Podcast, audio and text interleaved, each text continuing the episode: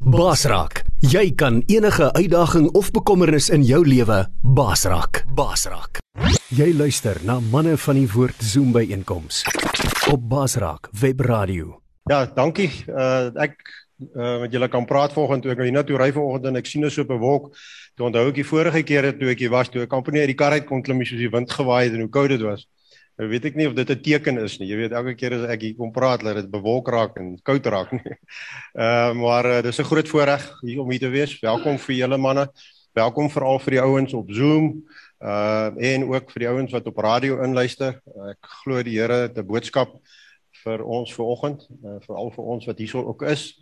En uh mag die Here ons ons tyd saam seën vanoggend.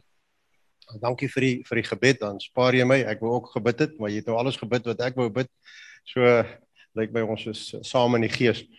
Nou ehm um, my boodskap wat ek ver oggend wil bring, het die het die Here op my hart gelê toe uh, Dawid omtrent so 2, 3 weke terug gepraat het. Onthou julle hoe hy het oor Noag gepraat en oor die ark. En ehm um, en te, terwyl hy gepraat het, het daar by my 'n dringende behoefte gekom om 'n boodskap te bring vir uh, vir ons manne. Uh vir die wat luister, vir die wat hierso is. En die boodskap van vanoggend is baie spesifiek gerig op ons wat die Here ken. Uh ja, as jy iemand is of iemand luister wat nie die Here ken nie, natuurlik is die boodskap vir hom ook, maar dit is baie doelgerig. Want net soos wat Dawid met ons gepraat het, het hy gesê, jy weet daar's 'n dringendheid nou. Uh jy weet hy het gepraat van ons is in die laaste dae, jy weet en en Jesus en die, en van uh, die apostels wat die briewe geskryf het, het ook gepraat van ons is in die laaste dae. Maar jy weet dit was 2000 jaar terug. Uh ek lees verlede week uh die boek van Johannes 1 Johannes en daar skryf Johannes skryf hy daar ons is in die laaste uur. Jy weet dis maar omtrent so 20 daai boek van Johannes is omtrent geskryf so 20 30 jaar na Christus. Uh opgevaar het na die hemel toe. So dit het al geskuif van die laaste dag na die laaste uur toe. Maar jy weet nou is ons 2000 jaar verder. Nou dink ek waar is ons nou? Jy weet, en ek wil amper so gaan en ek is nie 'n uh, eindtyd profeet om te sê die Here gaan môre kom nie. En dis in elk geval 'n vals profeet wat dit sê volgens Jesus. Net want net hy weet wanneer die Vader gesê het dit sal gebeur. Maar as ons in die laaste dae was in die tyd van die Bybel of in die laaste uur, dan trek ons dink ek op die horlosie trek ons in die laaste sekondes. Ek dink ons is al in die laaste minuut Ek dink ons is al in die laaste paar sekondes. So ek dink dis 'n ernstige boodskap. Ja, da die boodskap is vir die mense wat nog gered moet word, wat nog nie die Here ken nie. Maar ek glo die Here het vanoggend vir ons 'n boodskap veral vir ons wat die Here ken, want ek dink daar's 'n baie sterk waarskuwing net soos daar 'n dringende boodskap was in die tyd van Noag vir daai mense, is daar vir ons vandag 'n baie dringende boodskap. Ja, ek het die eerste omtrent 5 na 10 jaar van van my bediening was my fokus baie ge, op die geredde op die ongeredde mense in die kerk. Dit klink nou so 'n bietjie soos 'n teenstelling, né? Maar dit was definitief so. Ons het net gevind in die jare hierso in die 80er jare in in meeste van die hoofstroom kerke was die meeste mense wat daar gesit het, het of glad nie die Here geken nie of hulle was onseker van hulle saligheid. Jy weet, hy het nie geweet as iemand vir hom vra as jy vandag doodgaan, waarheen sal hy gaan? Dan het hy nie geweet of of hy dit kan positief antwoord nie. Hy het hy het maar gesê ek dink so of ek hoop so, jy weet. Terwyl daar in 1 Johannes 5 sê skryf Johannes baie dik, hy sê julle kan weet hierdie boodskap is 'n boodskap as jy Christus het, het jy die lewe. As jy Christus nie het nie, het jy nie die lewe nie. En dan sê hy hierdie het ek geskrywe sodat julle kan weet dat julle die ewige lewe het.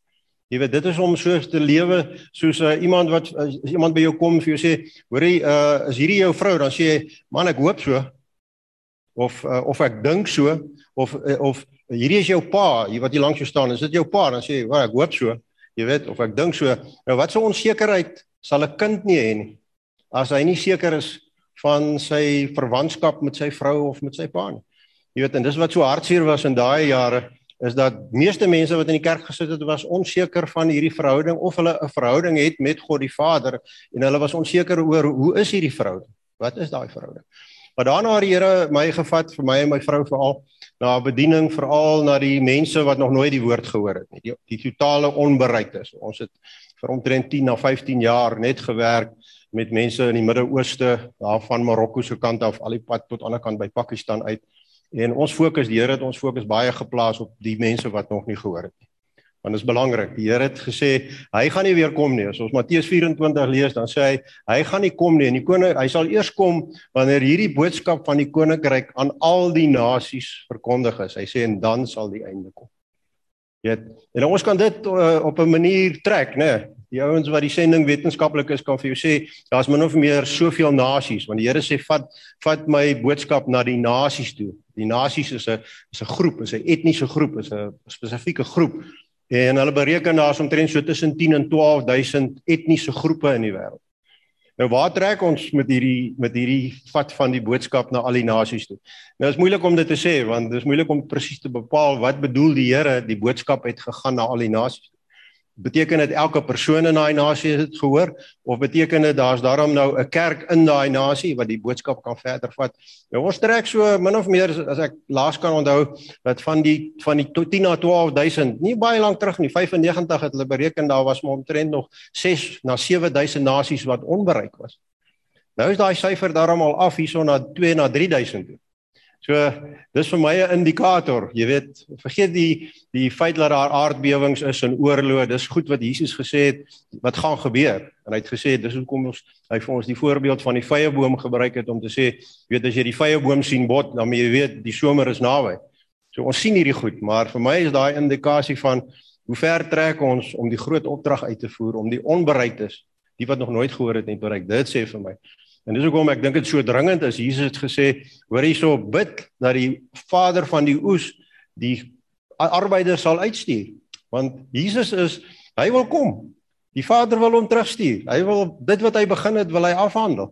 Ek bedoel ons is almal mense wat wat doelgerigte goed doen. Jy begin met 'n projek of jy doen iets in jou besigheid dan wil jy nie vir ewig aangaan met hierdie ding nie. Jy wil tog begin en jy wil 'n einde hê want jy wil weer met iets anders begin. En ek glo God en dis hoekom hier aan die einde van Openbaring vind ons ook uit dan sê hy hy bid dan sê hy die Gees en die bruid sê ek kom. Daar's 'n verlange van die Gees en die bruid dat dit die werk moet klaargemaak word. Dan daarna in die laaste 5 jaar, ek wil amper sê bietjie meer, miskien 5 na 10 jaar, het die Here ons fokus geskuif weg van eerstens was dit die die ongereddes in die kerk en toe het hy ons gevat na die onbereiktes wat nog nooit die woord gehoor het nie. In die afgelope 5 na 10 jaar het die Here ons teruggebring en dis nou interessant en dis hoekom ek dink hierdie boodskap belangrik is vir oggend vir ons wat hier so is en die wat luister, is hy het vir ons nou gebring vir my op my hart gelê na die geredde mense in die kerk. Nou praat ek nie van die kerk die institusie soos hier by Choose Life nie. Ek praat van die liggaam. Die wat gered is, die wat op 'n stadium wedergebore is, wat Jesus aangeneem het as hulle saligmaker. Die boodskap is nou vir hulle en daar's 'n dringende waarskuwing ook vir hulle. Want dit is belangrik dat ons moet weet en dis wat ek ver oggend oor wil praat. Jy weet, ou Dawid het gepraat van die reën wat twee keer gaan kom. Hy het gesê die reën het eers gekom in Noag se tyd. Jy weet in Noag se tyd, hoeveel is gered? Net 8. Net 8. Noag, sy vrou en, en hulle kinders en en, en sy en hulle families, net 8 mense is gered. Maar hy het gesê die reën gaan weer kom wanneer Jesus weer kom. En dis hoekom my titel van my boodskap ook is van Noag na Jesus. Tussen Noag toe die die vloed gekom het en die wederkoms van Jesus, want Jesus kom hierdie keer nie as die die dienaar om te kom soek en te red wat verlore is nie. Dan kom hy as die oorwinnaar en hy kom om te oordeel. En daai oordeel is nie net vir die wat nie die Here ken nie. Die Here het gesê ons almal sal eendag voor die regterstoel van God verskyn sodat ons kan verantwoording gee oor of wat ons gedoen het, goed of sleg. So ons almal gaan eendag voor die troon staan. Nou weet julle, ek weet nie of julle nie, ek ek was nie so stout op skool nie, maar ek was daarom een of twee keer in die hoofsekantoor. Né? Nee, en dis 'n ongemaklike plek om te staan, né? Nee, al staan jy daar en jy weet jy was jy's onskuldig. Maar jy's so bang hy sien dalk, hy vang dalk, hy weet dalk van iets wat jy nie weet nie, jy weet. So jy jy staan daar voor en jy kan nie sê ja, yes, ek staan daar en ek is ontspanne en ag ag alles is oukei, okay, jy weet, jy's so lekker casual. Nee, kyk as jy in die hoofse kantoor is en skool wat ek in was het ons 'n baie baie hoof gehad. Jy kyk ek het hom as hy so in die een kant van die gang opkom, dan glip ek aan 'n ander gang af, jy weet, want daar's ek is bang hy sien iets en hy tree my aan. So as jy daar staan, so gaan ons eendag voor die troon staan. En ons moet verantwoording doen oor wat gaan gebeur. Nou Jesus waarsku oor sy wederkoms. Jy weet, dis nou 2000 jaar terug wat hy die boodskap vir ons veral gebring het wat daar in Matteus 24 staan en ook in party van die ander boeke wat hy praat oor die tekens van die wederkoms en hy praat oor die die oorloë en al daai goed wat gaan kom en hy praat oor die uh, valse profete en daai goed. Maar daar's dis 'n genade tyd waarin ons staan. En ek dink ons moet dit besef. Die ongereddes en die gereddes moet besef dis 'n genade tyd. Die genade tyd in die tyd van Noag was maar 120 jaar terwyl hy die ark gebou het. Ons kry al 2000 jaar. Dis 'n tyd van genade. En dit laat my so dink aan 2 Petrus 3 vers 9, nê, waar waar Petrus skryf en ek lees dit hier vir julle. Hy sê die Here stel nie die vervulling van sy belofte uit nie. Al dink party mense so. Nee, hy is geduldig met julle omdat hy nie wil hê dat iemand verlore gaan nie. Hy wil hê dat almal hulle moet bekeer. Dis die genade van die Here wat hy vir ons almal 'n kans gee. Vir die ongereddes, maar ek dink ook vir die gereddes. Nou, ehm uh, jy weet uh, in 'n maraton ek ek ek het al heelwat maratons in my lewe gehard gehardloop, dis my sport nou nog. Ek hardloop nie meer maratons nie, is nou te ver vir my, maar in die tyd toe ek gehardloop, jy weet 'n maraton vat ietsie soos die komreis, het 'n afsnytyd. By komreis is die afsnytyd was altyd 11 ure, nou is dit 12 ure.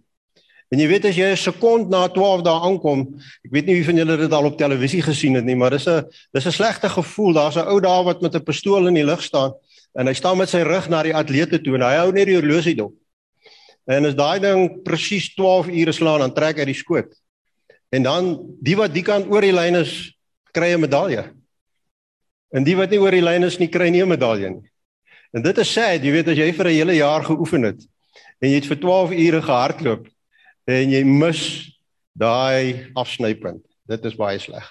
Nou vir ons almal gaan daar 'n afsnypunt wees. Daar's 'n afsnypunt. Die afsnypunt van ons kan vandag wees. Kan môre wees. Ek bid op die oomblik saam met 'n groep ouens die afgelope 3-4 maande vir mense spesifiek wat COVID gevalle is, veral die wat in die hospitale is. Ja, prys die Here, die meeste word gesond. Maar ons het al seker in hierdie tyd tussen 15 en 20 ons mense wat dood is wat ons voorgebid het. Dis mense wat net so. Jy weet ek dink lees gister daai tragiese storie van daai fietsryer wat doodgeskiet is Sondag hier in Centurion. Jy weet ek bedoel hy en sy seun en een van 'n vriende het net op 'n Sondagoggend vroeg gaan ry. En toe word hulle beroof en hy word doodgeskiet. Hy het nie dit gedink toe hy gaan ry het nie. So ons afsnypunt is enige tyd en ons moet gereed wees dat as daai afsnypunt kom dat ons saam sal ingaan.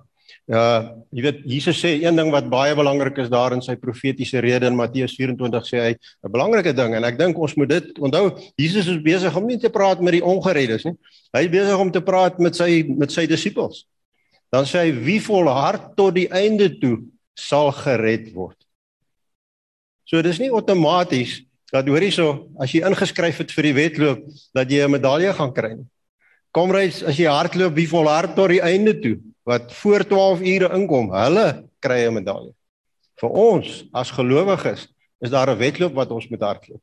En ons kan nie dit van selfsprekend aanvaar dat ek gaan hierdie wedloop voltooi en ek gaan gered wees nie, want anders sou Jesus nie hierdie woorde gesê het nie.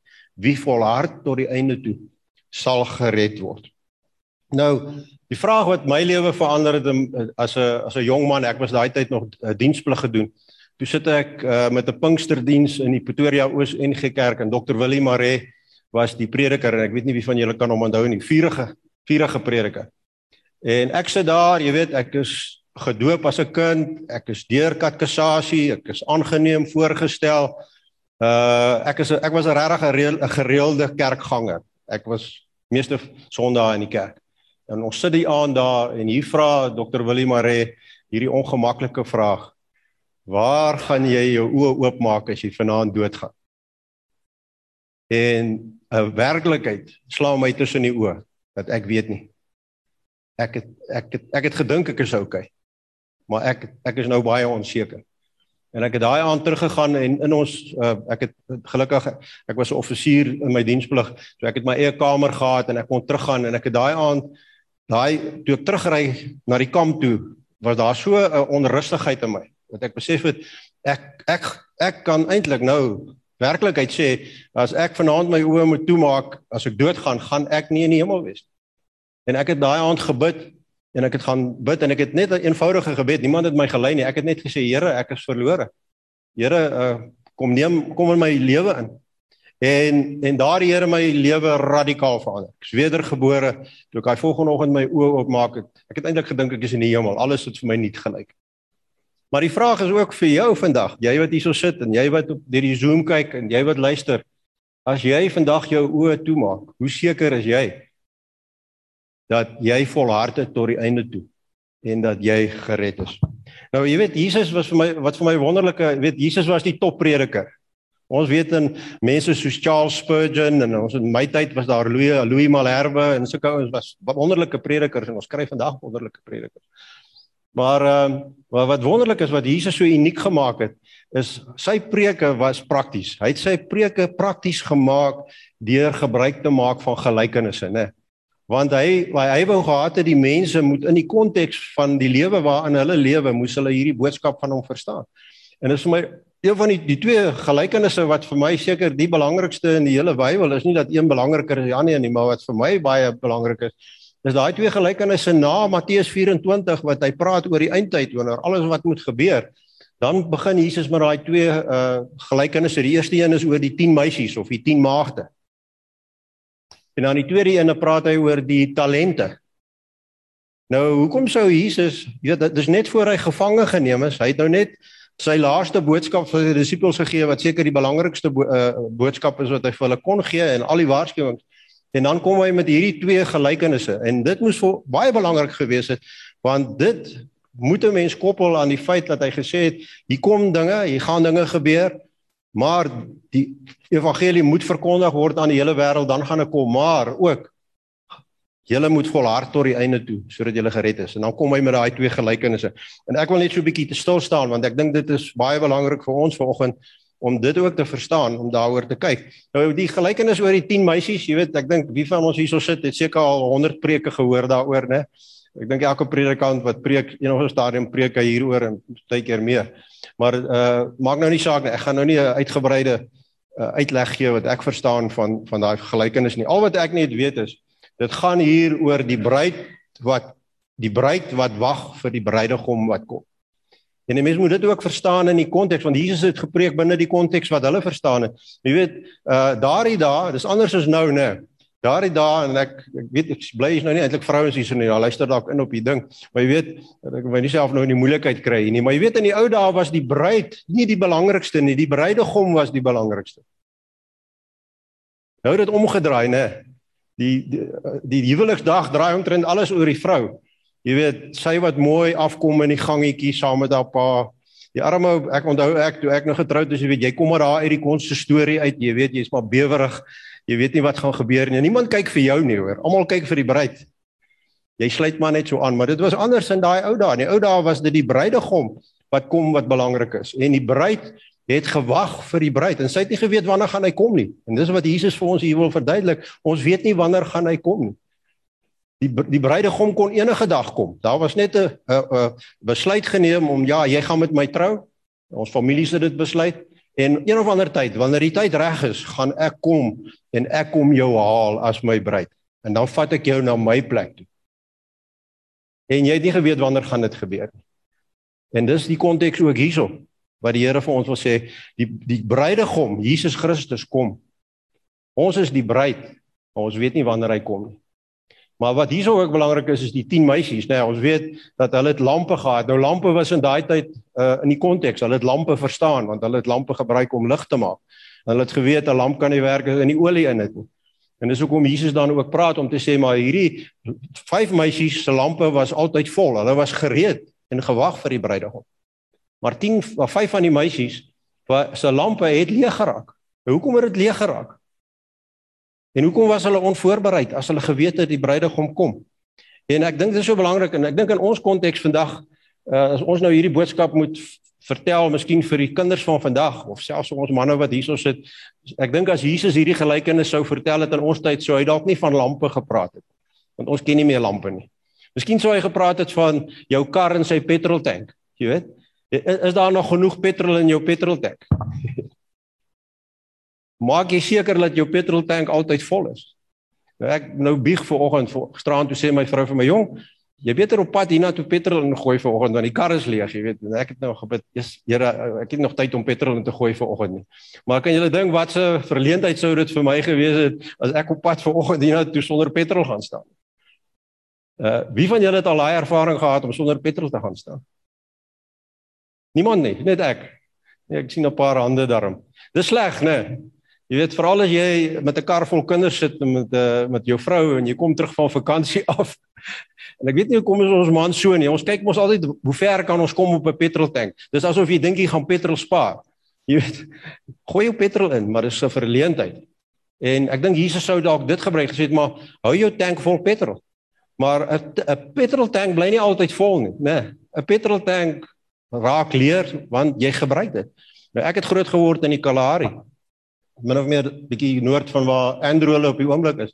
En jy weet, daar was daai tyd die ontwerp van die karre was nie baie goed ontwerp nie. Die petroltank was heel onder gewees. So 'n gat in die petroltank daar was was 'n given dat jy een of ander tyd. En almal het met 'n blokkie sunlight seep in hulle karre gery, né? So as jou petroltank 'n gat in kry, dan smeer jy die sunlight seep. Later, ek het op van Sales Rus eendag gestop om petrol in te gooi en toe ek al petrol ingooi, toe kom die eienaar uit en hy sê vir my, uh ek was nog jonk, ek was nog 'n student. Hy sê vir my, "Boet, het jy dadels in die kar?" Weet, ek dink nee, jy sê oom, ek het nie dadels nie, jy weet, hoekom dadels? Hy sê, "Nee, jy het dadels nodig as jy gat in jou petroltank kry." Ek sê, "Nee oom, maar ek het sunlight seep." Hy sê, "Nee man, vergeet die sunlight. Jy moet dadels gebruik." En toe vind ek nou uit dadels is 'n wonderlike ding vir 'n gat in die petroltank. Blykbaar maak jy petrol en die dadels 'n chemiese reaksie. En jy ken Pratley Patty, né? As jy die twee meng, dan word hy so hard soos klip. En dis hoe dadels werk. So, my vraag vir jou vanoggend is, jy weet, is jou petroltank vol? Het jou het jou petrol dalk opgebruik geraak ergens langs die pad? Of is daar miskien 'n gat in jou in jou petroltank? 'n Klein gatjie of 'n groot gat? Nou, 'n gat in jou petroltank vir my is is daar sonde in jou lewe? Is daar iets in jou lewe wat veroorsaak dat jou tank nie vol is nie? Dat die tank is voller of is dalk leeg, maar hy's voller van jouself. En dis tyd dat jy miskien daai gat wat veroorsaak dat jy petrol verloor dat jy daai gat toestop. Jy weet, daar's nie klein en groot sondes nie, maar jy sal weet. Is daar iets in jou lewe waarmee jy besig is wat besig is om die plek van die Here te vat? Dat jou petrol in jou petroltank is besig om al hoe minder en minder te raak. En as Jesus kom en daai petroltank van jou is leeg, dan het jy 'n probleem. Nou weet, ons kan ook gebruik toe ek met my kleinkinders eendag bietjie oor gesels. Nou hulle verstaan nou nog nie die konsep nie. Hulle bestuur nog nie. So die petrol en petrol tank is nou nie vir hulle nog en toe praat ek met hulle oor 'n selfoon, né? Nee, Almal van ons het selfone. Daai selfoon bly nie vir ewig vol nie, né? Nee. Ek dink ons almal het al daai verleentheid ook gehad van as jy jou selfoon wil gebruik en hy's af en jy moet 'n dringende oproep maak. Maar wat laat die selfoon afloop? Eerstens jy gebruik Maar toe leer ek 'n baie belangrike ding. Ek sê vir my kinders, uh ek kan nie verstaan dat my foon so gou pap word nie. Hy's nog 'n redelike nie foon. Sê hulle pa, uh is jou apps nie oop nie. Sê ek, wat bedoel jy is my apps nie oop? Sê hulle nee, jy moet jou apps toemaak. En toe wys hulle vir my dat hoe maak jy jou apps toe? Nou uh toe besef ek sê ek, maar hoekom is dit belangrik? Sê nee, as jou app oop is, as jy 'n app het, byvoorbeeld ek het 'n app oor die weer. Daai app van jou oop is, dan gebruik hy data en hy gebruik krag al die tyd want hy's hele tyd besig om om om op te dateer, op te dateer, op te dateer. Nou die ouens wat slim is met IT goed sal dit nou beter verstaan. En ja, dit het gewerk. Toe ek die apps begin toemaak. Ek doen dit nou sommer 3, 4 keer 'n dag, dan maak ek al daai apps toe. Partykeer is daar tot 10 apps wat oop is, dan maak ek hulle toe. En toe kom ek agter, wow, my battery hou nou baie langer en sommer my data hou ook baie langer. So daai konteks is ook daar. Hoe lyk hoe lyk die die data of die krag in jou selfoon? Wat is besig om dalk daai krag van jou selfoon te tap op die oomblik. Want as hy leeg is en hy gaan staan, dan is jy soos die vrouens met die lampe wat uit olie uitgeraak het. Nou weet jy wat is vir my die engel die kinders mooi gesegdes Hulle praat mos van 'n scary ding. Jy weet nou, 'n scary ding is vir my met hierdie twee gelykenisse en ek gaan praat oor daai derde ding wat Jesus ook oor gepraat het oor die skape en die bokke, maar die scary ding van die uh meisies, onthou net 'n bietjie, daai meisies was die beeld van die bruid. Hulle was die geredde mense. Dis nie die ongereddes met wie hy vir wie hy die gelykenis vertel nie. Dis die geredde mense. En dan sê hy toe die meisies wat se lampe leeg was toe die bruid gekom het, die bruidegom gekom het en hulle begin met die bruid met die uh, bruilofsfees, toe kom hulle en hulle wil ingaan en toe wat sê Jesus vir hulle? Ek ken julle nie. Wow. Jy het 'n uitnodiging gekry na die bruilof toe. En jy kom by die bruilof aan en jy klop en hulle sê gaan weg, ek ken julle nie. Imagine ons kom eendag by die poort en ons wil ingaan en Petrus, weet nie waar kom hy daai daai beeld van dat Petrus by die hek staan nie, maar in elk geval staan seker ergens in die Bybel. Ehm um, en nou Petrus sê vir jou jammer jy's nie op die lys nie, gaan weg, ken jou nie. Scary. Dis vir Christene, dis nie vir die ongereddes, dis vir die gereddes. Kom ons kyk 'n bietjie na die 10 talente of die 10 muntstukke. Julle weet die storie, Jesus vertel die storie, daar was vir ouens 5 muntstukke gegee, 2 en 1 en hy het teruggekom en hy het vir die ou van die 5 gevra, weet wat het jy met jou 5 gedoen? Hy het gesê nee, hier's nog 5 en die ou met 2 het gesê hier's nog 2, maar die ou wat 1 gehad het, het gesê nee, wat ek het daai muntstuk begrawe want u is 'n moeilike baas en ek was bang ek verloor hom of hulle steel hom. En dan wat sê die Here dan vir vir daai een wat die muntstuk begrawe het. Want hy praat nog steeds hier met die Christene, né? Hy praat nog steeds hierso met die met sy kinders. Dan sê hy: "Gooi hierdie nuttelose slaaf uit die buite in die buitenste duisternis in. Daar sal 'n geween en 'n geknars van tande wees." Wow. Dis harde woorde. Dis skerry woorde. Dis nie woorde vir ongereddes nie, dis woorde vir gereddes. So wat is hierdie talente? Nou ek ek een ding wat ek agtergekom het in die laaste 5 jaar was ek het ek 'n gemeente gelei in Mauritius. En in die eerste keer in my lewe het ek so betrokke geraak om dag vir dag met die gemeentelede te werk. Hulle is hulle was my skape, as ek dit so kan stel. En en ek dink dis 'n probleem in die kerk oor die algeheel vandag is dat die grootste meerderheid van die mense in die kerk beweet nie wat is die gawe of die talent wat hy ontvang het van die Here wat hy moet gebruik om juis die koninkryk van God uit te brei. Is dit nie so nie? Jy weet, uh in Mauritius toe ek daar kom, toe uh ek was in 'n Engelse gemeente. Maar toe vind ek uit daar's baie Afrikaans sprekendes wat uh nie kerk toe kom nie want hulle hou nie eerstens nie van om in Engels gepreek te word nie en tweedens uh hulle kom uit tradisionele kerke en nou is hulle skielik hier in 'n in 'n charismatiese kerk en hulle is nie gemaklik daarmee nie. Toe vra ek die pastoor, kan ek asseblief 'n selgroep begin vir Afrikaans sprekendes en hy het gesê dis goed. En die heel eerste aand by die selgroep was daar 14 mense, insluitende my en my vrou en daar was 'n ander pastoor en sy vrou ook. So kom ons sê daar was 10 gewone mense. Nie dat ons, ons ja, pastore goed is eintlik ongewone mense, jy weet. Hulle is weird and wonderful. Meer sometimes more weird than wonderful. Maar uh en my vraag die aand daar vir hulle was Hoorie, so sê vir my hoekom is julle in Mauritius? Ek het geweet hoekom is ek in Mauritius. Die Here het my geroep soontoe met 'n doel. Maar ek wou graag geweet het hoekom sit hier 'n klomp Suid-Afrikaners op Mauritius. En weet jy wat wat vir my wonderlik was, hulle was baie eerlik met my. Ek het dit uh, baie waardeer. Elke een van daai ander 10 wat daar gesit het, het gesê ons is hier in Mauritius om geld te maak. Ons het Suid-Afrika gelos, ons het ons goed daar verkoop, ons het Mauritius toe gekom om geld te maak. Dink ek, wow, okay, hier's lekker werk wat ons moet doen. En ek en my vrou het toe begin met 'n met 'n kursus met hulle wat kom van uh uh uit uit Romeine 12 vanaf vers 5 tot 8 wat gaan oor redemptive gifts. Ek sorry, ek weet nie wat se Afrikaanse woord vir redemptive gifts nie, maar dit gaan oor die gawes. En daar's 'n daar's 'n hele klompie van hulle, dis die dis die gawe om die boodskap te bring, daar's dis die gawe om te dien, om te onderrig, om uh, om te gee, om leiding te gee en om self te help. Daar's sewe van hulle. En ons doen toe, dis Arthur Burke se kursus kursus. Jy kan dit gaan kyk op uh, op die internet, Google dit redemptive gifts van Arthur Burke, dan is daar so 'n vraelys, daar's so 'n vraelys so omtrent 4 folie op bladsye wat wat jy kan deurwerk en dan op die einde van die dag behoort jy agter te kom wat is jou primêre redemptive gift? Wat is hierdie gawe wat die Here jou gegee het om 'n verskil te maak nie net in die kerk nie vir die ander gelowiges nie, maar veral ook vir die ongereddes. Hoekom gee die Here vir jou 'n spesifieke gawe? En jy weet ons het gaan toe deur daai daai kursus met hulle. En uh daar was 'n vriend van my, nou nog my vriend ou Johan, hy is nou al amper 80 jaar oud.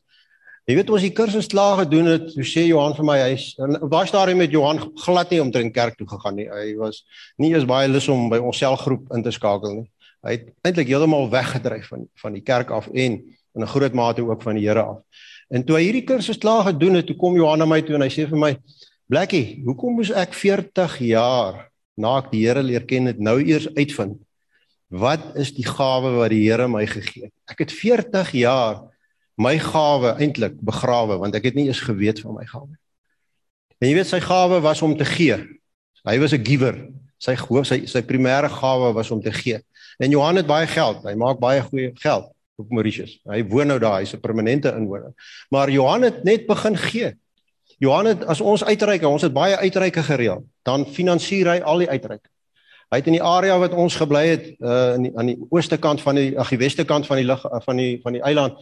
Daar was nie 'n pastoor daar in wie se lewe hy nie gesaai het nie. Omtrent almal van hulle het of 'n bromponie of 'n kar gery wat Johan gekoop het. En jy weet, ek het gesien hoe daar 'n transformasie in Johan se lewe plaasgevind het van iemand wat nors was, wat wat onvergenoeg was, wat gevoel het ek is nutteloos, na 'n ou wat absoluut die vreugde en die vrede van die Heilige Gees ervaar. Want hoe meer hy gegee het, want dit was die gawe wat hy hom gegee het, wat die Here hom gegee het, en hy het daai gawe begin beoefen en hy het net begin blom.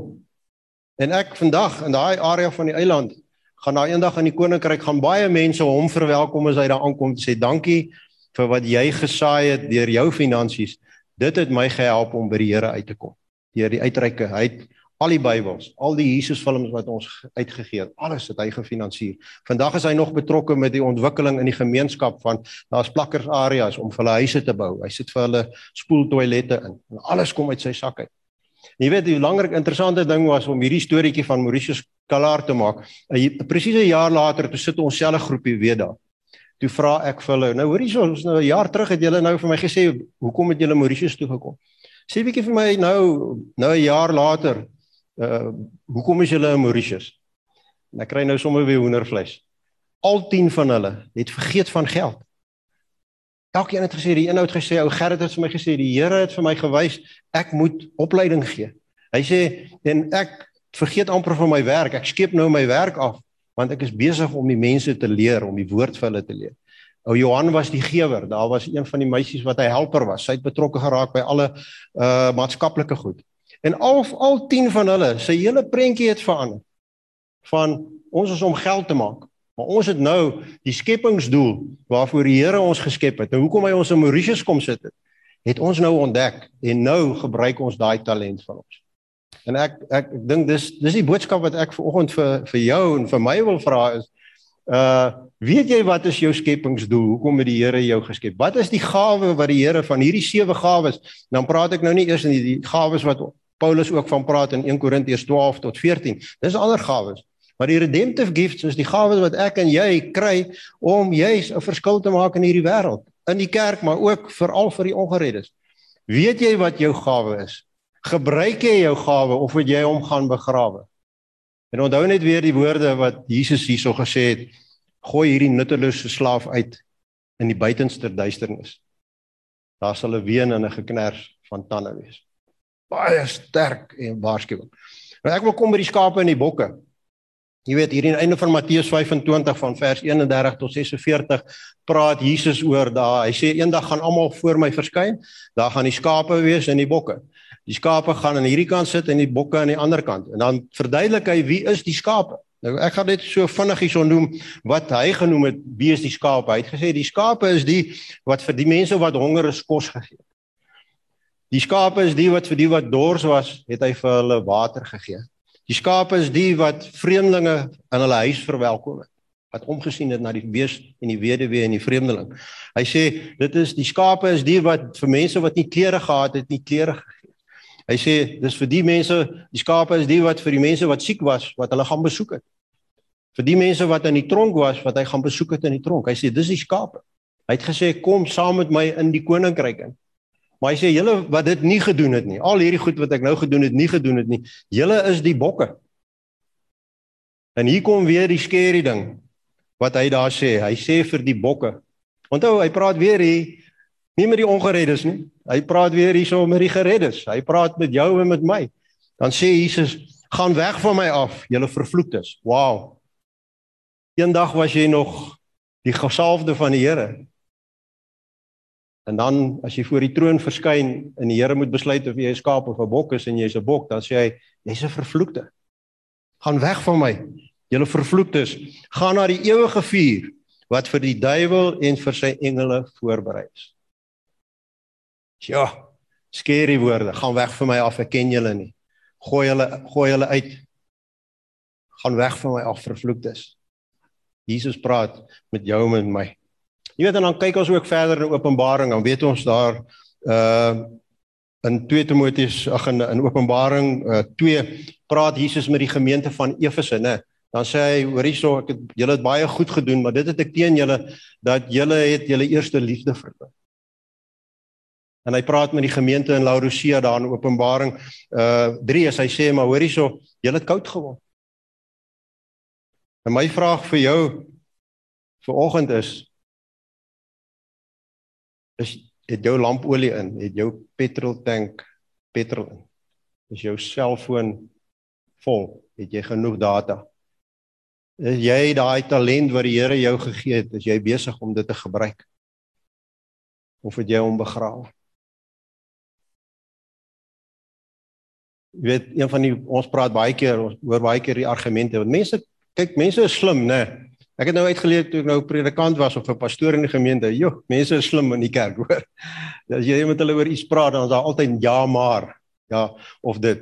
Nou as jy met hulle praat oor wat doen julle toe ek hierdie kursus met die ouens in ons gemeente gedoen, sê hulle ja, maar ons word nie deur ons dade gered nie. Dit is nou lekker soos 'n kop uit soos die soos ons sal sê. Ek word nie deur my dade gered nie. Maar jy weet daar's twee skrifgedeeltes wat ons baie sterk moet onthou.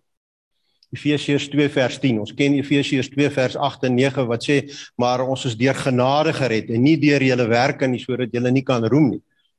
Maar dan lees ons nie vers 10 nie. Ek wil vir julle vers 10 lees. Hy sê ons word gered om ons lewe te wy aan die goeie dade.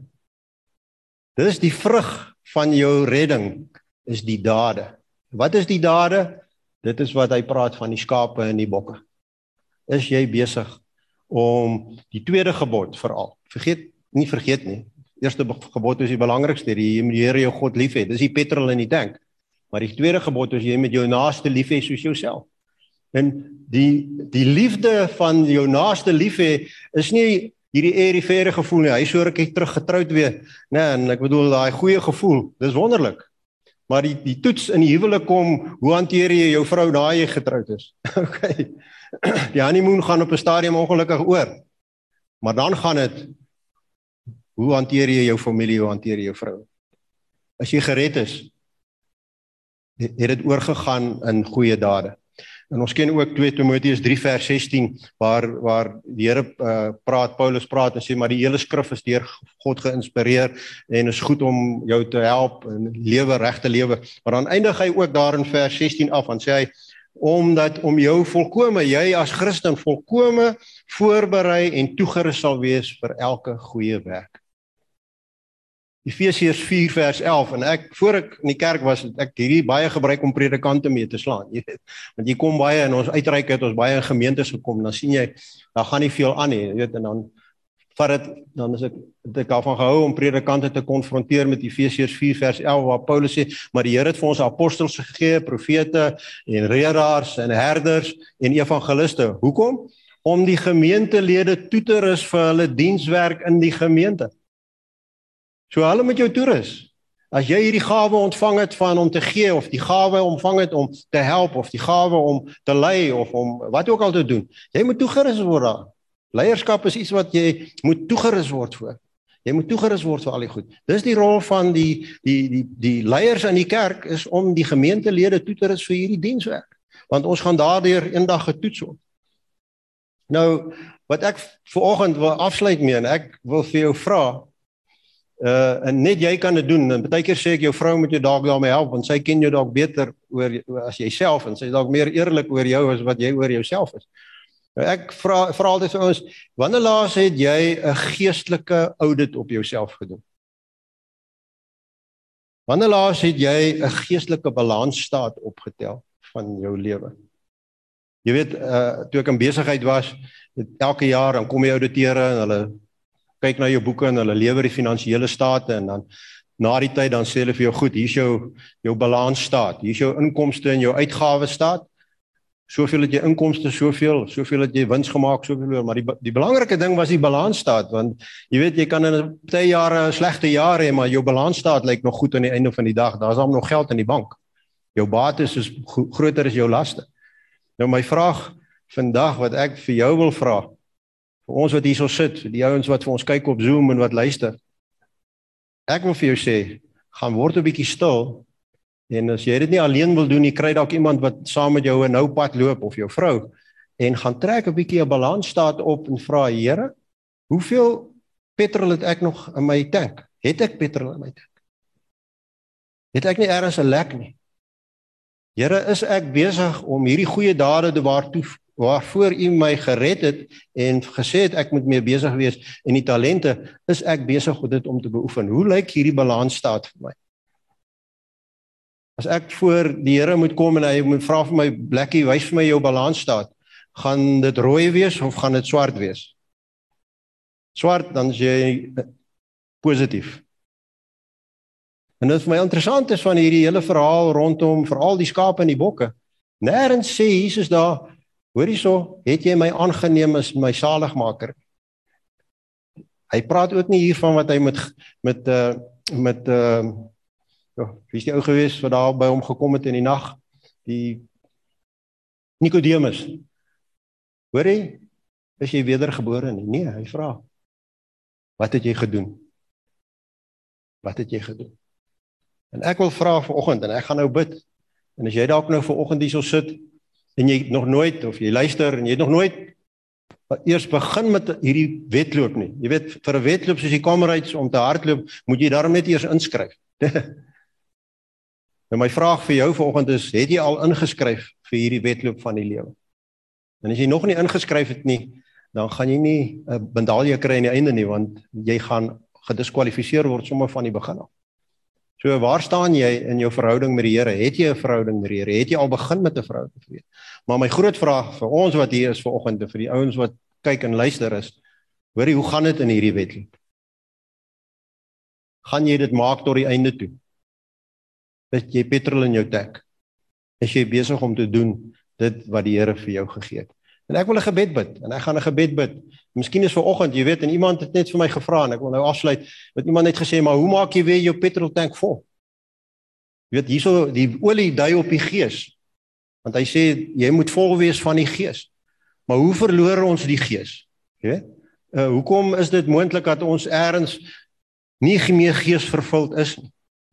En dis hoekom Paulus vir ons daar in Efesiërs 5 vers 18 sê moenie dronk word van wyn nie, maar word vervul met die Heilige Gees. En daai vervulling met die Heilige Gees wat hy in Efesiërs 5 vers 18 praat, is nie hierdie een keer as jy vooruit gaan in die kerk en hulle lê vir jou hande op en jy begin in tale praat nie. Dis dis dis om gedoop te word met die Gees met 'n doel. Hierdie vervulling met die Heilige Gees is is wat Paulus van praat in Romeine 8, as hy praat van wie is in beheer van jou lewe? Is jy in beheer van die lewe of is die Heilige Gees in beheer van jou lewe?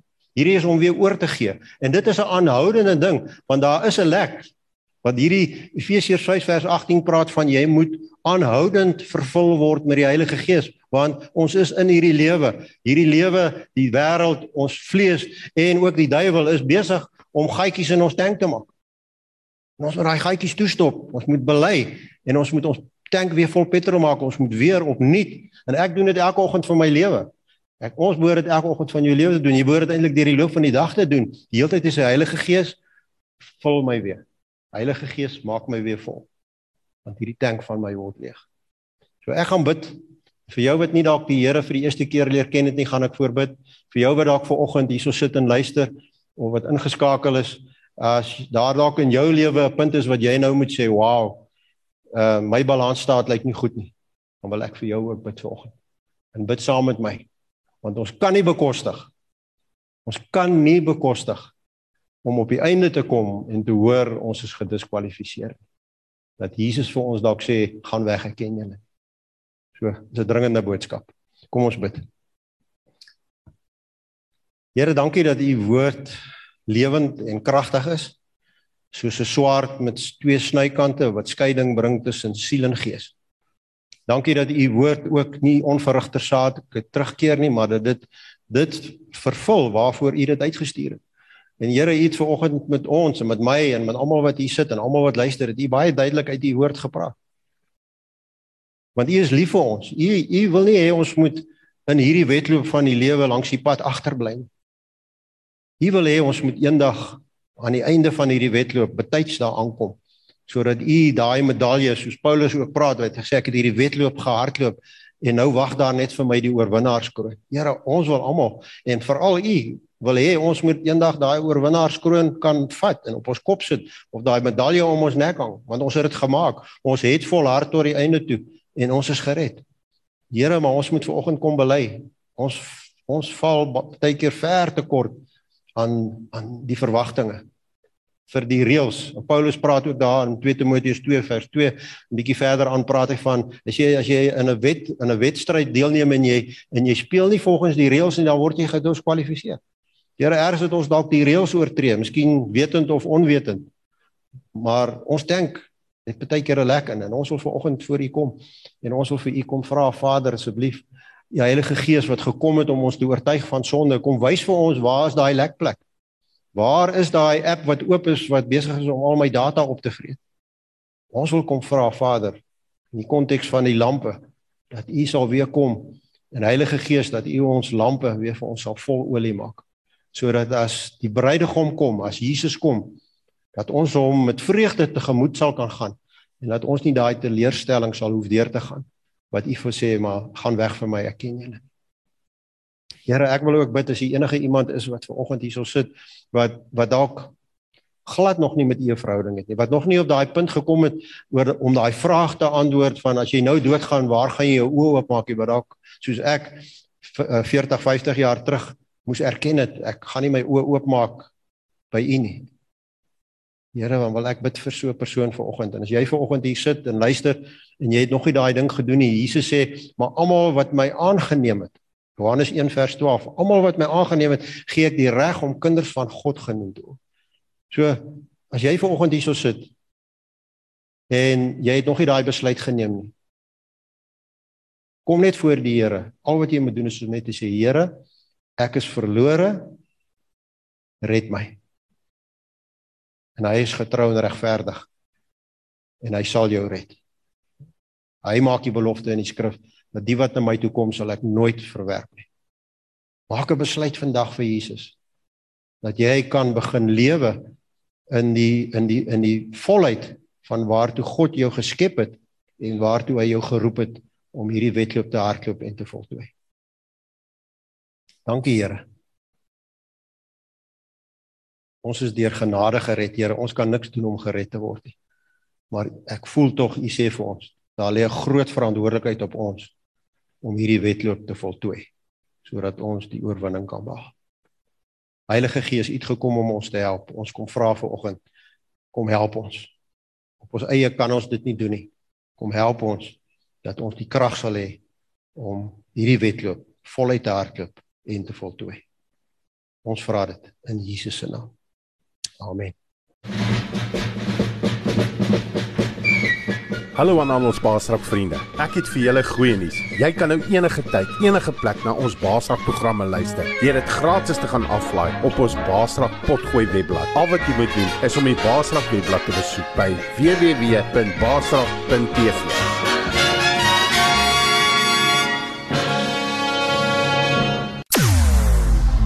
jou oorwinning in Christus radio. Basraak Web Radio.